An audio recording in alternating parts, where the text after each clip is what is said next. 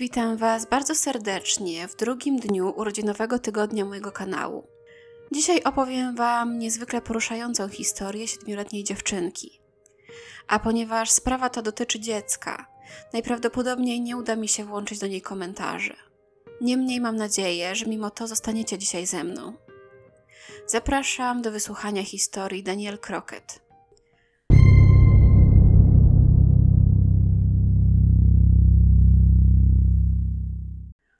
13 lipca 2005 roku policję w Plant City na Florydzie zaalarmował pewien mężczyzna, który twierdził, że właśnie widział w domu swoich sąsiadów przez rozbite okno małą, bladą dziewczynkę o ciemnych oczach. Nigdy wcześniej jej nie widział. Wiedział, że w domu sąsiadów mieszka kobieta z dwójką dorosłych synów. Czasem widział też jej chłopaka, ale nigdy wcześniej nie widział tej dziewczynki. Nigdy nie bawiła się przed domem, ani nie wychodziła nigdzie ze swoją rodziną, czy nic z tych rzeczy. Wyglądała na bardzo zaniedbaną, co bardzo go zaniepokoiło i skłoniło go do wykonania tego telefonu. Na miejsce został wysłany radiowóz policyjny, a także służby do spraw opieki nad dziećmi. Gdy dwóch funkcjonariuszy przybyło na miejsce, zobaczyli kobietę, która opierała się na kierownicy zaparkowanego obok domu samochodu i wprost nie mogła powstrzymać się od płaczu. Oczywiście policjanci natychmiast do niej podeszli i okazało się, że ta kobieta pracuje dla opieki społecznej. Spośród spazmów płaczu udało jej się wydusić niewiarygodne, to najgorsze, co kiedykolwiek widziałam. Ale policjanci nie mogli nawet przypuszczać świadkami, jakiego koszmaru za chwilę się staną. Gdy weszli do środka, jeden z nich natychmiast musiał wyjść z budynku i zwymiotował. Powiedział, że już wcześniej wchodził do pomieszczeń, w których od tygodnia gniło ciało, ale jeszcze w żadnym z nich nie doświadczył takiego odoru jak tam. Powiedział, po prostu nie da się tego opisać. Mocz i kał, psie, kocie, ludzkie odchody, rozmazane na ścianach, wgniecione w dywan. Wszystko wilgotne i gnijące. W oknach wisiały poszarpane, żółte od dymu papierosowego firany.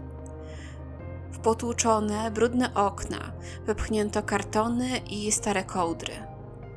Śmieci pokrywały dosłownie każdy skrawek każdej powierzchni, a podłoga, ściany i sufit zdawały się wręcz ruszać przez pokrywające je tysiące karaluchów i robaków.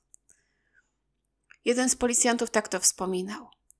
Brzmiało to tak, jakbyś chodził po skorupkach jajek. Nie można było zrobić kroku, żeby nie nadepnąć na karalucha. Były w lampach, w meblach, nawet w zamrażarce i lodówce. Wśród tego wszystkiego na kanapie spokojnie siedziała w podomce kobieta.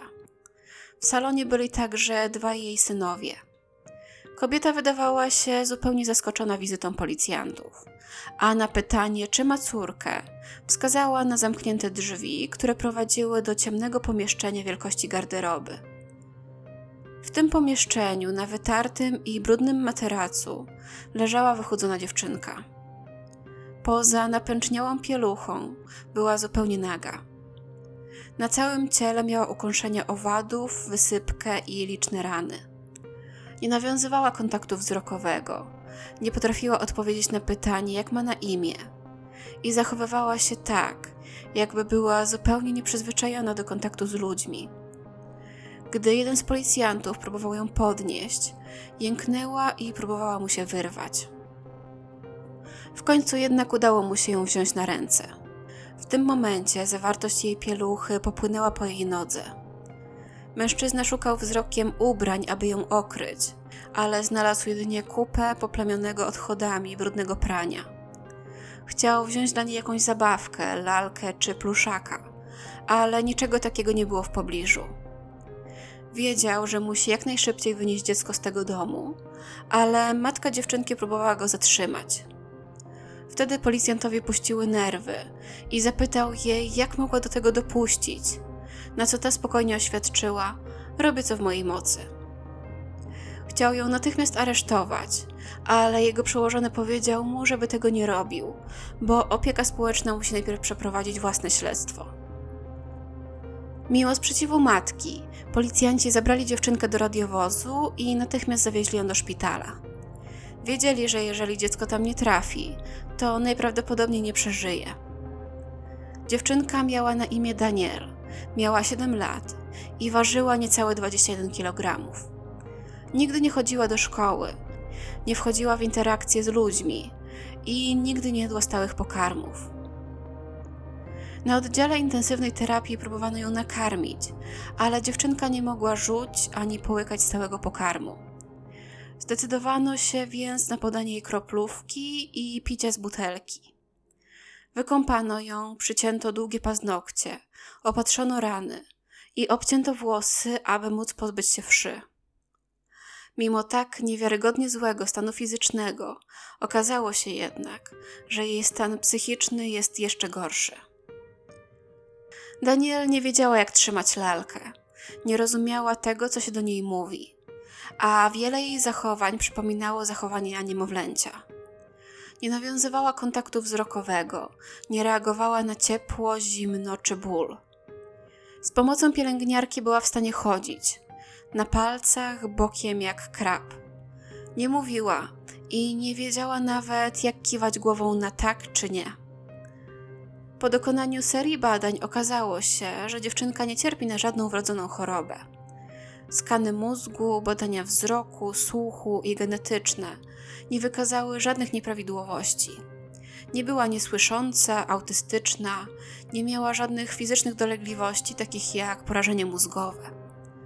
A mimo to lekarze po wykonaniu tych wszystkich badań od razu wydali wyrok. Z powodu poważnego zaniedbania dziecko będzie niepełnosprawne do końca życia. Daniel została zaklasyfikowana jako dzikie dziecko. Taki termin oczywiście nie jest żadną oficjalną diagnozą, ale odnosi się raczej do historycznych relacji o dzieciach wychowywanych przez zwierzęta. Niektóre z przekazów są prawdziwe, a niektóre zupełnie wymyślone. Podobno już w czasach Cesarstwa Rzymskiego Fryderyk II podarował zakonnicom grupę niemowląt z przykazaniem, żeby się nimi opiekowały, ale z nimi nie rozmawiały. Podobno z czasem dzieci miały zacząć mówić prawdziwym językiem Boga. Oczywiście nic takiego się nie wydarzyło. Natomiast jeden z ostatnich przypadków dzikiego dziecka miał miejsce w 1970 roku w Kalifornii, gdy odkryto 13-letnią Ginny. O historii Ginny mogliście już usłyszeć na moim kanale, a jeżeli jeszcze nie widzieliście tego odcinka, to zapraszam do obejrzenia. Psycholog, która opiekowała się Daniel, powiedziała, że w ciągu pierwszych pięciu lat życia rozwija się 85% mózgu.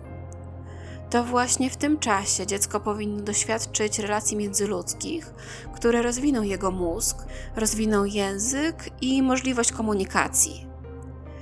Mimo wszystko, ze względu na to, że Daniel miała jedynie 7 lat, pozostawał cień nadziei, że może uda się jeszcze nauczyć niektórych rzeczy.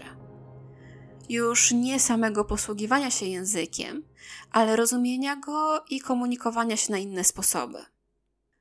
Daniel spędziła w szpitalu 6 tygodni, aż uznano, że jest wystarczająco zdrowa, żeby zostać wypisana. Pozostawało jednak pytanie, gdzie ma się teraz podziać. Pewnym było, że nie może wrócić do swojej matki. Ostatecznie sąd umieścił dziewczynkę w opiece zastępczej i zabronił Michelle, czyli matce Daniel, odwiedzać swoją córkę czy w jakikolwiek inny sposób się z nią kontaktować. W październiku 2005 roku Daniel skończyła 7 lat i po raz pierwszy poszła do szkoły. Została umieszczona w specjalnej klasie – jej pierwszy nauczyciel powiedział, że dziewczynka była inna niż jakiekolwiek dziecko, którym do tej pory się opiekował. Daniel wielokrotnie była bardzo pobudzona. Krzyczała, wymachiwała rękami i zwijała się w szafie, żeby być z dala od wszystkich. Nie wiedziała, jak zjeżdżać na zjeżdżalni czy bujać na huźdawce. Nie chciała być przez nikogo dotykana. Minął cały rok, zanim dziewczynka stała się chociaż trochę bardziej towarzyska. W okolicach Święta Dziękczynienia 2006 roku postanowiono dać Daniel nowy dom i kochającą rodzinę, na którą zasługiwała. Przepisany jej pracownik socjalny dodał jej zdjęcie do galerii serca, czyli galerii zdjęć przedstawiających dzieci przeznaczone do adopcji. Zdjęcia były pokazywane nie tylko w internecie, ale też na przykład w centrach handlowych. Pracownicy socjalni mieli nadzieję, że zdjęcia te trafią do osób, których serca poruszą i zdecydują się na adopcję. Mimo wszystko raczej nikt nie spodziewał się, że adopcja Daniel faktycznie dojdzie do skutku. W samym Hillsborough było aż 600 dzieci, które czekały na nowy dom.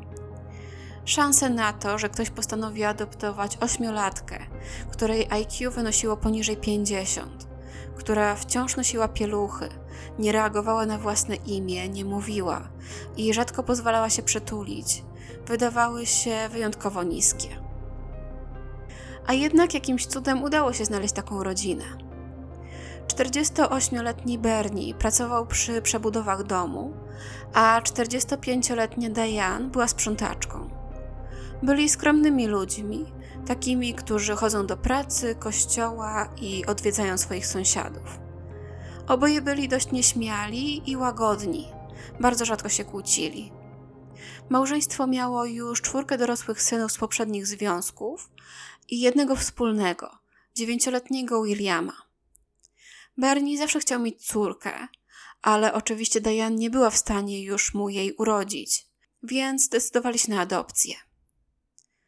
Zależało im, aby dziecko, które adoptują, było młodsze od Williama, aby w żadnym przypadku nie było w stanie go skrzywdzić oraz które nie byłoby w żaden sposób niepełnosprawne lub z jakiegokolwiek innego powodu byłaby konieczna stała opieka nad nim. W tamtym czasie spotkali się już z dziewczynkami w Teksasie oraz Georgii, ale żadna z nich nie odpowiadała im całkowicie. Wiem, że brzmi to okropnie, tak jakby kupowali samochód, a nie adoptowali dziecko. Ale głównym problemem tutaj było to, że dotychczasowi opiekunowie dziewczynek nie byli w stanie zapewnić, że w ich podopieczna w żaden sposób nie skrzywdzi Williama. Te dziewczynki miały już na swoim koncie okropne przeżycia, takie, których nie powinien doświadczyć żaden człowiek, i te przeżycia odbijały się na ich zachowaniu. Wszystko zmieniło się jednak, gdy małżeństwo zobaczyło zdjęcie Daniela. Dziewczynka była na nim blada, miała zapadnięte policzki i krótko ścięte ciemne włosy. Oczywiście, gdy małżeństwo zainteresowało się dziewczynką, przedstawiono im jej historię. Nic przed nimi nie ukrywano. Daniel miała 8 lat, ale wciąż nosiła pieluchy, nie mówiła i po ponad roku w szkole wciąż nie bawiła się z innymi dziećmi. Nikt nie wiedział, do czego może być zdolna. Nikt nie mógł im zagwarantować, że jej stan kiedyś się poprawi i będzie funkcjonować jak zwykłe dziecko.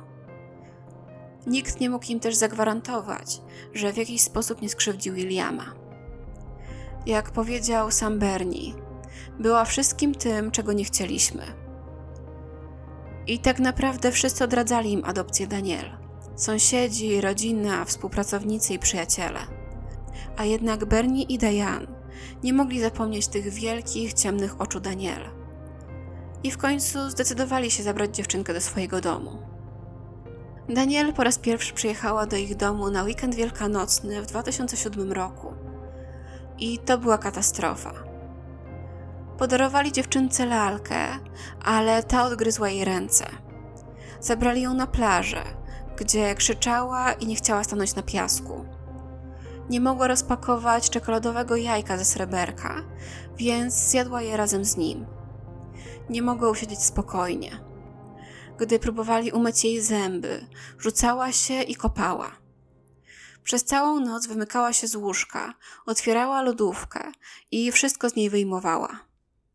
Jadła tak dużo, że aż zwymiotowała. Bała się, że w każdej chwili jedzenie może zostać jej odebrane. Niemniej z biegiem czasu było coraz lepiej.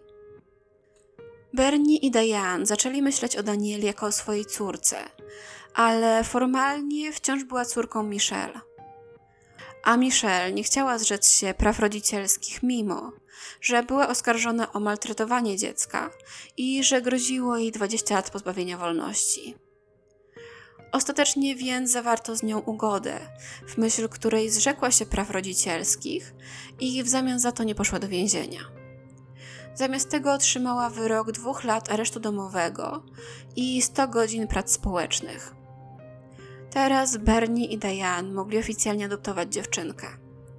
Zmienili jej też imię na Dani, aby w ten sposób symbolicznie odciąć ją od dawnego życia.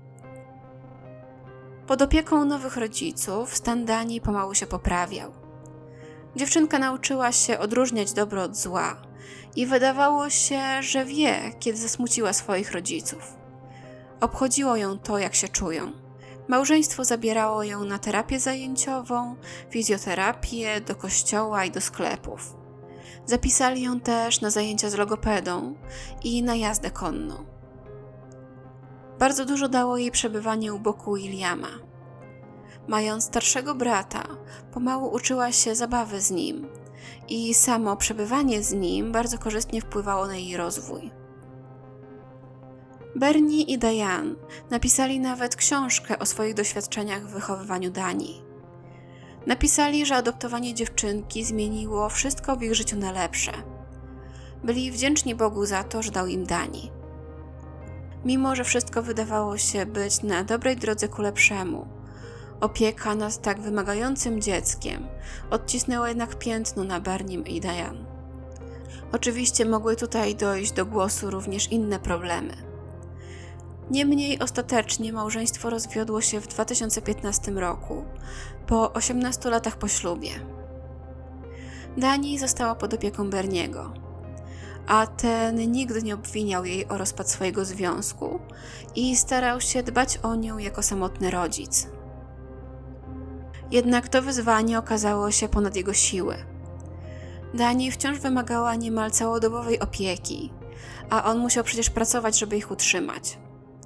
W 2016 roku Dani skończyła 18 lat i zaklasyfikowała się do Medicaid i Social Security. Zamieszkała w małym domu grupowym, w którym było mnóstwo zabawek i ubrań. Bernie zawiózł ją tam i zapewnił, że wciąż ją kocha i że będzie ją bardzo często odwiedzał, ale niestety nie był w stanie się nią już dłużej zajmować. A w tym domu grupowym stan Dani stale się poprawiał. Dziewczynka nabrała większego zaufania do ludzi, zwłaszcza do kobiet. Nauczyła się wrzucać pranie do kosza, ścielić swoje łóżko i kłaść pluszaka na swojej poduszce. Nie ma już problemów z obiadaniem się i potrafi spokojnie poczekać z jedzeniem, aż zostanie odmówiona modlitwa. Obecnie wciąż przebywa w tym domu i wydaje się być szczęśliwa. Podobno nie zmieniło się jedynie to, że nadal woli przebywać na zewnątrz niż w jakimkolwiek zamkniętym pomieszczeniu. Wciąż pozostaje jednak pytanie, jak to możliwe, że w XXI wieku mogło dojść do tak wielkiego zaniedbania i że nikt niczego nie zauważył. Jak Michelle, matka, mogła latami siedzieć w tym samym domu, co jej własna córka, zamknięta w ciemnej komórce, brudna, głodująca i cała w robakach. Jak mogła dopuścić, żeby jej dziecko nie miało żadnego kontaktu z językiem? I dlaczego nikt nie interweniował? Żeby choć trochę odpowiedzieć na te pytania, trzeba lepiej poznać Michelle, jej przeszłość i mentalność. Kobieta powiedziała, że była studentką, gdy w 1976 roku poznała w barze starszego o 10 lat mężczyznę, weterana z Wietnamu. Szybko pobrali się, przeprowadzili do Las Vegas i mieli dwóch synów Bernarda i Granta. Michelle powiedziała, że jej młodszy syn był trochę opóźniony w rozwoju. Nie korzystał z nocnika, dopóki nie skończył czterech lat i nie mówił do piątego roku życia. Niestety mąż Michelle zmarł w sierpniu 1997 roku i wtedy też kobieta nagle straciła pracę i wpadła w kłopoty finansowe. Pół roku później poznała w barze mężczyznę o imieniu Rob lub Bob. Michelle nie była tego pewna, z którym miała jednonocną przygodę. Owocem tej przygody była Danielle, która urodziła się 21 września 1998 roku. To jednak nie koniec kłopotów. Gdy dziewczynka miała półtora roku, ich przyczepa mieszkalna spłonęła, co skłoniło Michelle do zapakowania swoich dzieci i przeprowadzki na Florydę, gdzie mieszkał jej kuzyn. Kuzyn jednak nie był zbyt chętny do mieszkania z nią i trójką jej dzieci, więc po tygodniu przeprowadzili się do nieumeblowanego mieszkania. Michelle rozpoczęła pracę jako kasjerka, a podczas jej pracy małą Daniel zajmowali się jej synowie. Okazało się, że już na tym etapie zgłaszano, że w domu dzieje się coś niedobrego. Już 11 lutego 2002 roku zgłoszono, że dziecko około 3 lat zostało pozostawione bez opieki ze starszym, opóźnionym w rozwoju bratem i nigdy nie było widziane ubrane w cokolwiek innego niż jedynie pielucha. Ponadto zgłoszono, że dom jest brudny, a na foteliku dziecka leżą odchody. Funkcjonariusze przybyli na miejsce, ale w tamtym momencie najwyraźniej nic nie zaniepokoiło ich na tyle, żeby zabrać Daniel z tego domu. Dziewięć miesięcy później zgłoszono, że Michelle całymi nocami gra w bingo ze swoim nowym chłopakiem, a jej dzieci zostają same w domu bez opieki. Zgłaszający powiedział, że dziewczynka ma jakieś 4 lata, a wciąż nosi pieluchę i pije z butelki dla niemowląt. Nigdy nie wychodzi na zewnątrz. Znów interweniowano w tej sprawie. Tym razem zaproponowano Michelle bezpłatną opiekę dzienną nad dziewczynką, ale kobieta odmówiła i po prostu zostawiano z nią dzieci. Oczywiście media również zainteresowały się tym, dlaczego mimo tych zgłoszeń nikt nic nie zrobił. Tłumaczono, że sytuacja, którą zastano w domu w 2002 roku, była zupełnie inna niż trzy lata później. Wtedy to wszystko nie wyglądało jeszcze tak tragicznie a celem służb jest zatrzymanie dziecka przy rodzicu i pomóc mu w taki sposób, jaki tego potrzebuje. A Michelle powiedziała, że nie potrzebuje żadnej pomocy. Oczywiście to wszystko ma sens, ale wydaje się wyraźną luką w systemie to, że nigdy nie próbowano nawet porozmawiać z Daniel, ani nawet jej zobaczyć, aby ocenić w jakim jest stanie. Bulwersującym jest też fakt, że po tym jak policjanci weszli do domu Michelle w 2005 roku, wydawało się, że kobieta nie widzi w swoim zachowaniu zupełnie nic złego. Powiedziała, że miała kłopoty zdrowotne i że faktycznie trochę odpuściła porządki w domu. Stwierdziła, że owszem, miała brudny dom, ale nie wiedziała, że brudny dom jest niezgodny z prawem. I na dzisiaj to już wszystko.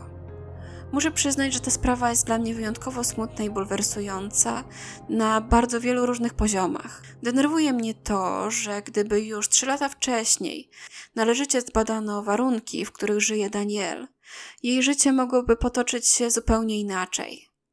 Wtedy miała niecałe cztery lata. Może gdyby zapewniono jej odpowiednie warunki w takim wieku, nauczyłaby się jeszcze posługiwać językiem i mogłaby wieść całkiem normalne życie a przynajmniej bardziej samodzielny niż teraz. Denerwuje mnie też to, że ta historia wydarzyła się tak niedawno, w 2005 roku. To nie był 1970 rok, jak w przypadku Ginny, że można powiedzieć, że to były inne czasy i że ludzie tak nie ingerowali w wychowanie i że nie mieli takiej świadomości jak dzisiaj. Niemniej pozostaje tylko się cieszyć, że sąsiad interweniował w odpowiedni sposób, gdy zobaczył dziewczynkę w oknie. Gdyby nie on, nie wiadomo ile jeszcze cierpienia Daniel musiałaby doświadczyć w swoim życiu. Jak już mówiłam, nie wiem, czy uda się włączyć komentarza pod tym filmem, ale jeżeli tak, dajcie koniecznie znać, czy słyszeliście wcześniej o historii Daniel. A tymczasem trzymajcie się bezpiecznie i do usłyszenia już jutro.